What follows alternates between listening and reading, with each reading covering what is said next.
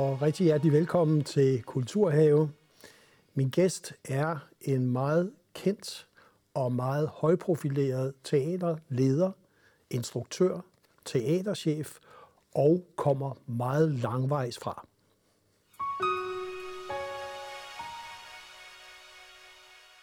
Velkommen, instruktør må vi sige, Daniel Bohr, i dag. Det må vi sige i dag, ja, ja Christian. Tak.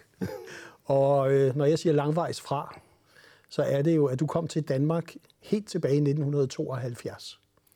Der startede dit eventyr med Danmark. Der startede den, fordi jeg valgte, som ikke alle andre har gjort, jeg valgte at komme til dette land i Norden. Og jeg kom fra Sydamerika. Jeg kom fra Chile, fordi jeg havde tænkt, at her ville jeg hvile, når mit liv var forbi. Og du har sagt flere gange, at du fandt en fred og kærlighed her i landet, som du ikke fik andre steder. Du fandt også en kærlighed helt bogstaveligt i din mand gennem over 40 år, Christian Lange. 45 år 45, bliver det ja. øh, i år. Ja, og det er ikke kun fred og kærlighed. Det, der var meget vigtigt for mig, det var frihed. Jeg søgte på det tidspunkt i mit liv efter fred og frihed. Og så, naturligvis underliggende, håbede jeg på den kærlighed, der ville opstå på et eller andet tidspunkt. Og jeg valgte Danmark efter at have boet under mange forskellige diktaturer i forskellige lande i verden. Og det var det, der var væsentligt. Det var den frihed, som jeg kunne finde her. Frihed til at tænke, som man ville. Frihed til at tale og sige det, man ville, så længe man ikke fornærmede nogen eller gjort andre fortræd. Og selvfølgelig frihed til at være sig selv. Og til at gøre det kunstnerisk, som man troede på. Og noget af det, som du troede på, det var jo, at du skulle være teaterchef. Det må det have været. Jeg tror helt ærligt ikke, at jeg havde drømt om det. Det skete, som alting sker i livet. Øh, det skete, og jeg blev først øh, kunstnerisk leder af den jyske opera, og så teaterchef på den nordjyske landsdelsscene Aalborg Teater. Ja, det hed Nordjyske Landsdelsscene dengang. Ja. Det gjorde den. Og der blev du chef, hvornår var det i begyndelsen af 80'erne? Ja. Jeg blev valgt den 13. december 79 og tiltrådte den 1. august 81. Dengang havde vi godt med forberedelsestid til at tage over. Og det var, som det hedder nu, en fantastisk rejse. Det var meget spændende. Og en af de ting, du gjorde, det var jo at invitere store stjerner til Aalborg, som man ikke var vant til måske at se på en nordjysk landsdelsscene dengang. Blandt andet Suse Vold øh, og Bodil Lutzen. Og Bodil Lutzen. Og der starter vel en speciel, skal vi sige, venskab, kærlighed, bånd mellem dig og Bodil Lutzen.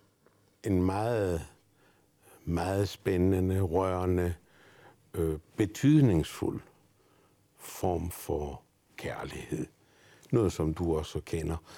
Øh, det var utroligt, da vi mødtes. Jeg forsøgte at være dis, og så selvfølgelig blev vi dus med det samme. Og jeg forsøgte at være teaterchef, og hun var bare Bodil. Og årene gik øh, fra den dag, hvor jeg inviterer hende op i min lejlighed for at snakke om, hun kunne tænke sig at komme en hel sæson til Aalborg. Og hun kom sammen med Jens Terkesen, hendes mand.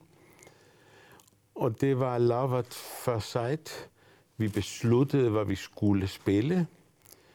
Og så var vi sammen helt derfra. Og en af de ting, I besluttede jer for at spille, det var Gertrud Stein, som jo blev en kæmpe succes. kan vi sige, ikke kun i Aalborg, men på turné, og rejste rundt i hele Nordeuropa. Ja. Gertrud Stein var en ualmindelig vidunderlig forestilling, instrueret af Erling Skrøder, øh, som var en mester for os alle. Og øh, Bodil Gjord, noget helt specielt ud af den karakter.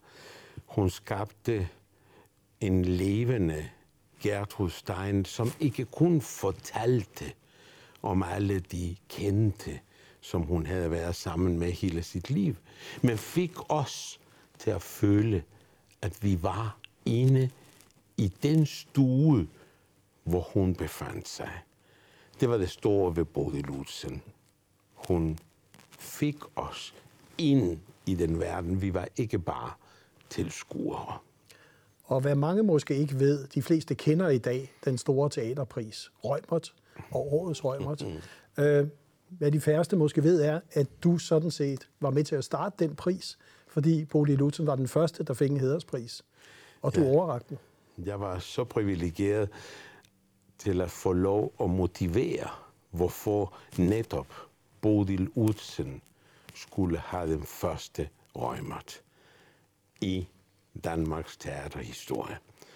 Det var en ceremoni, der fandt sted på børsen, totalt uforglemmeligt, og øh, ja, derfor synes jeg, det er vidunderligt, at Rømert-prisen lever videre nu. Ja.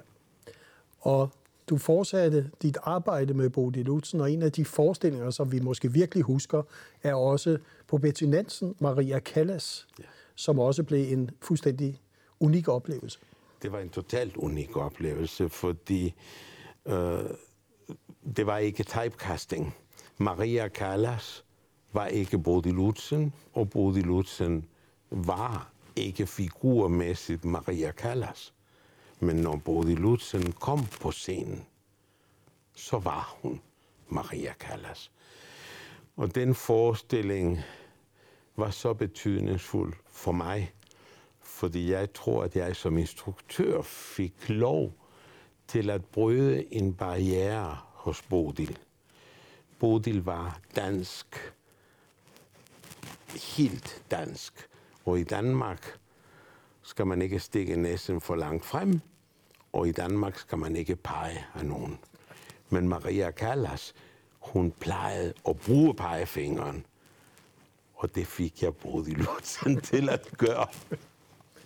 Og se, så kan man sige, at din rejse, skal vi også lige have med, var også omkring Bergen Festspillene, som du var leder af i en årrække, indtil du begynder at markere dig, og der vil jeg gerne hen til, mm. som vi kan sige, en musical-instruktør, som måske ikke alle ved, at det faktisk er dig, der er bagved. Og en af de store succeser, du lavede, det var Sound of Music. Ja. Kan vi roligt sige? Det kan vi jo ja. roligt sige. Det var øh, den første gang, hvor jeg kunne øh, sætte en musical op på en måde, der var filmisk. Det var på det nye teater, da vi lavede den første Sound of Music første gang med Charlotte Guldberg, som debuterede som Maria og fik sin første røgmert som talent. Og dernæst, 10 år senere, så kom Sound of Music igen på det nye teater. Denne gang med Maria Lucia i hovedrollen. Og hun fik teaterpokalen for sin Maria. Så lidt har man været med til. Og jeg synes, at vi skal se et lille klip fra en af de forestillinger, som du har lavet på det nye teater, fordi det, der jo skete, det var jo, at der opstod en kærlig romance mellem dig og det nye teater, som jo virkelig har betydet noget. Men jeg synes lige, vi skal se Dr. Jekyll og Mr. Hyde her. Wow, tak.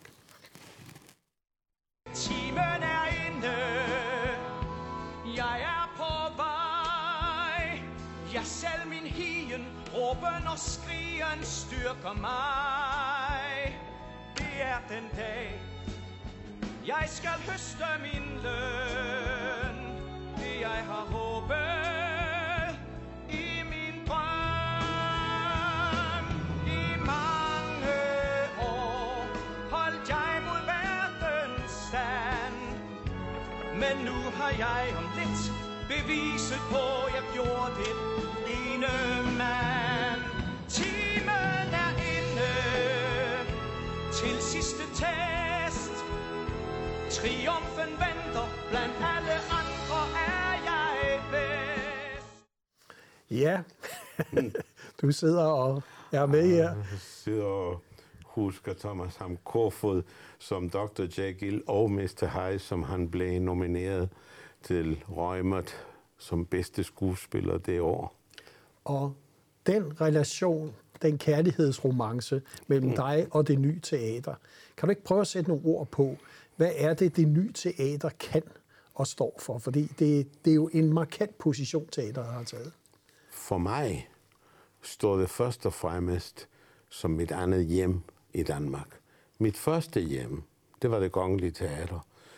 Og jeg blev i Danmark, fordi jeg kom ind på det kongelige teater. Sidenhen blev jeg, fordi jeg blev forelsket. Og derefter rejste jeg en del og har været overalt, indtil det nye teater kaldte. Og det nye teater kaldte med en tradition.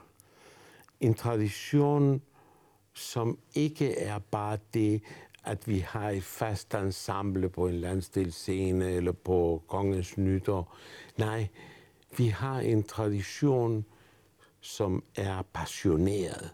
Det nye teater er noget, som vækker passion, lidenskab hos dem, der arbejder der. Man arbejder, og man lever for det. Og jeg kan sige dig, Christian, det er ikke et job fra 10 til 16 eller 18. Det er døgnet rundt, og det er endnu mere end det. Det nye teater gør, at vi som arbejder der, som får det privilegium at få lov til at lege med det kæmpe maskineri, vi føler, at i den tid, hvor vi arbejder der, så giver vi hele vores liv, vores blod, vores sved, og så er det meget vigtigt.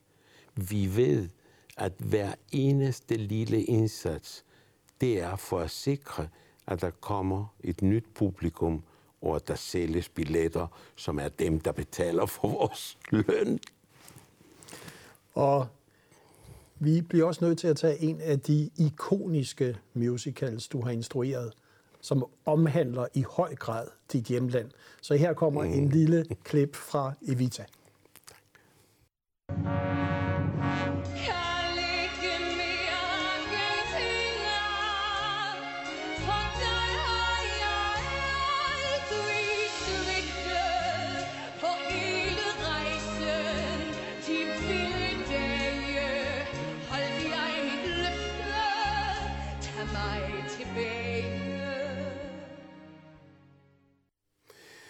Var Charlotte Guldberg. Og Evita, Argentina, en ikonisk historie også, og en ikonisk musical. og en meget stor del af mit liv. Fordi jeg er født i Argentina. Og jeg har faktisk øh, levet i Argentina under Perón. Og jeg har øh, oplevet hele Evita-perioden. Og da det nye teater tilbød mig at lave den forestilling, så tænkte jeg igen en drøm, som bliver til virkelighed. Øh, på en eller anden måde er det det, som det nye teater og jeg har. Øh, jeg får tilbudt nogle ting, som gør, at jeg bliver bedre, og så kan jeg tilbyde publikum noget bedre. Men Evita var en rejse i min ungdom, i min barndom. Og det var også den klare begrundelse for den ankomst, eller det valg, jeg traf, da jeg ville komme til Danmark. At jeg ville finde fred og frihed. Det havde man ikke under Pedon i Argentina. Og det nye teater gav mig muligheden for at skabe en forestilling, som fortalte om det folk og om de mennesker. Og så gik du også i gang med en anden musical, Love Never Dies. Åh, du rører virkelig ved mit hjerte. altså, da jeg fik tilbudt Love Never Dies. Og som vores direktør, Niels Bo Valbro, sagde, at den kommer på skulderen af Phantom of the Opera. Der viste jeg, hvad det var for en kæmpe opgave, og hvad det var for en udfordring. Øh, Love Never Dies var nok den største gave, en instruktør kan få. Og det var det største legetøj, jeg nogensinde har haft at lege med. Og det synes jeg lige, vi skal se et klip fra. Tak.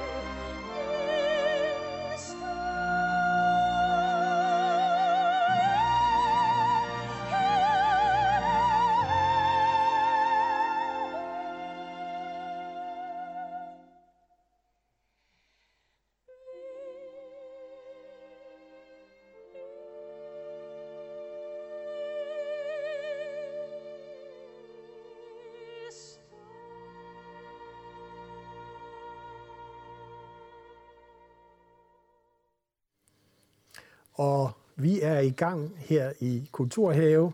Mit navn er Christian Have, og min gæst er instruktør Daniel Bohr. Og vi er i gang med at prøve at forstå den kærlighedsromance, der er mellem Daniel Bohr og det nye teater. Og her, hvor vi lige så Louise Fribo, Ja. øh, Som synge- synger om kærlighed. Ja, ja, ja. Netop kærlighed, kærlighed, kærlighed.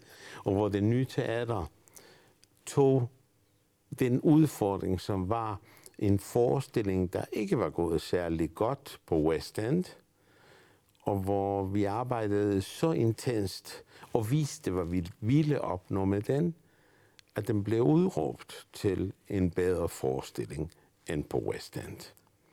Det var, som jeg sagde tidligere, det største legetøj, en instruktør kan ønske sig. Og det, at du har fået det maskineri på det nye teater, øh, det handler vel egentlig også om, for det bliver vi jo nødt til at sige her, der er ikke en masse, masse offentlige kroner i det nye teater. Så der skal jo simpelthen helst sidde rigtig mange mennesker. Du var inde på det før. Det skal sidde mange rigtige mennesker, og derfor er det, fordi vi arbejder så hårdt, fordi vi er alle sammen passionerede og engagerede. Vi ved, at det gælder livet, at det gælder teatrets eksistens hver eneste gang. Det er teater, som vi lavede i gamle dage.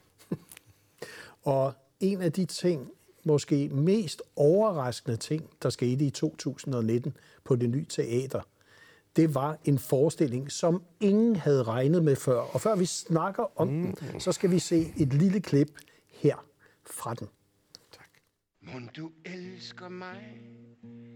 Jamen, vi er gift. Ja, men mon du elsker mig? Om jeg elsker ham. Ja, I 25 år har jeg levet med ham. Kæmpet med ham. Sultet med ham. 25 år har min seng været hans. Er det ikke kærlighed? Hvad så? altså elsker du mig?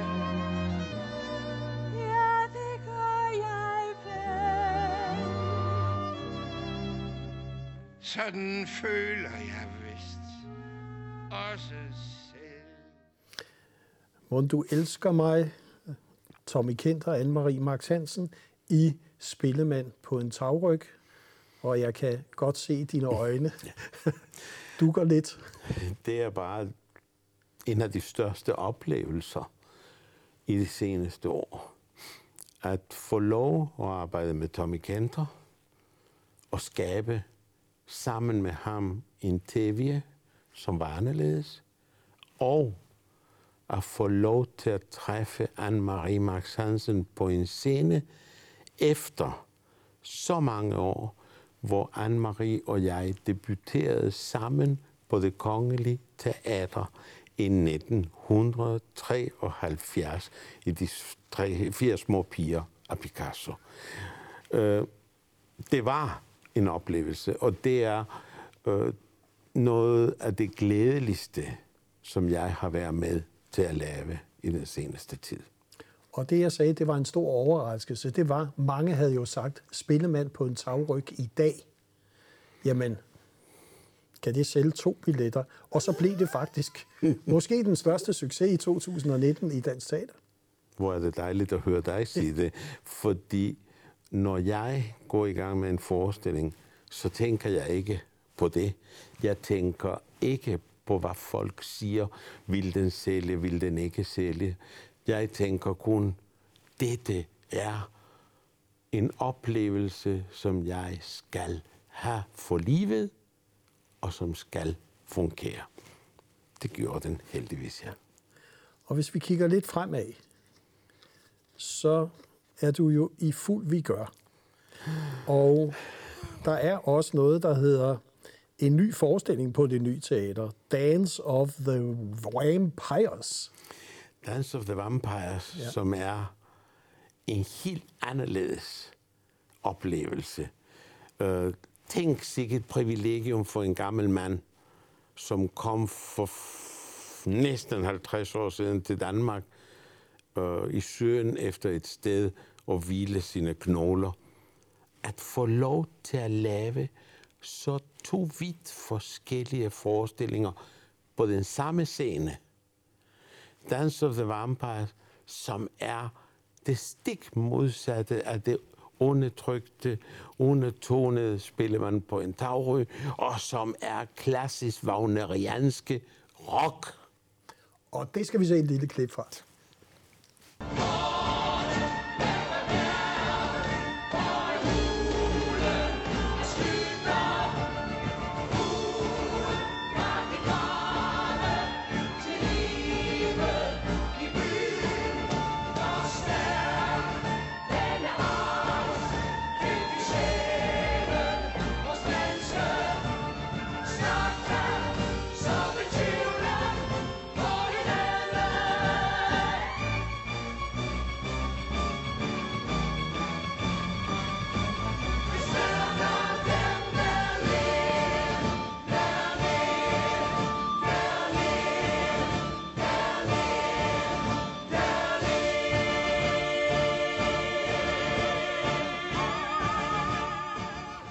Ja, Daniel Bohr, det er så den sidste skud på stammen. Hvad ligger der flere ting og venter? Du spørger selvfølgelig, fordi jeg nærmer mig de 77, og så tænker man, nej, han kan ikke blive ved. Men Bodil Lutzen plejede at sige, at jeg var som en bold, der blev skubbet over vand, under vandet, og så kom op gang på gang. Det var jeg var meget taknemmelig for, hun sagde. Og det tror jeg, jeg bliver ved med. Og det nye teater endnu en gang tror på mig og har betroet mig en opgave, og som jeg virkelig ser frem til. Det er sæsonstart øh, 2021, det er september 20, og det bliver intet mindre end mesterværket Oliver. Og Jeg tænkte på, Daniel, her til slut. Da du kom for snart 50 år siden, har du, når du kigger tilbage, opnået det, der måske var den lille drøm, du havde, da du kom til det her land? Det var en meget stor drøm. Det var fred, det var frihed, det var kærlighed. Og jeg har været meget privilegeret. Jeg fik de tre ting samlet i en kæmpe pakke, hvor jeg har fået lov til at udtrykke mig som kunstner. Det er jeg meget taknemmelig for. Og du skal have stor tak for, at du kom her i Kulturhave og fortalte os om det. Tak.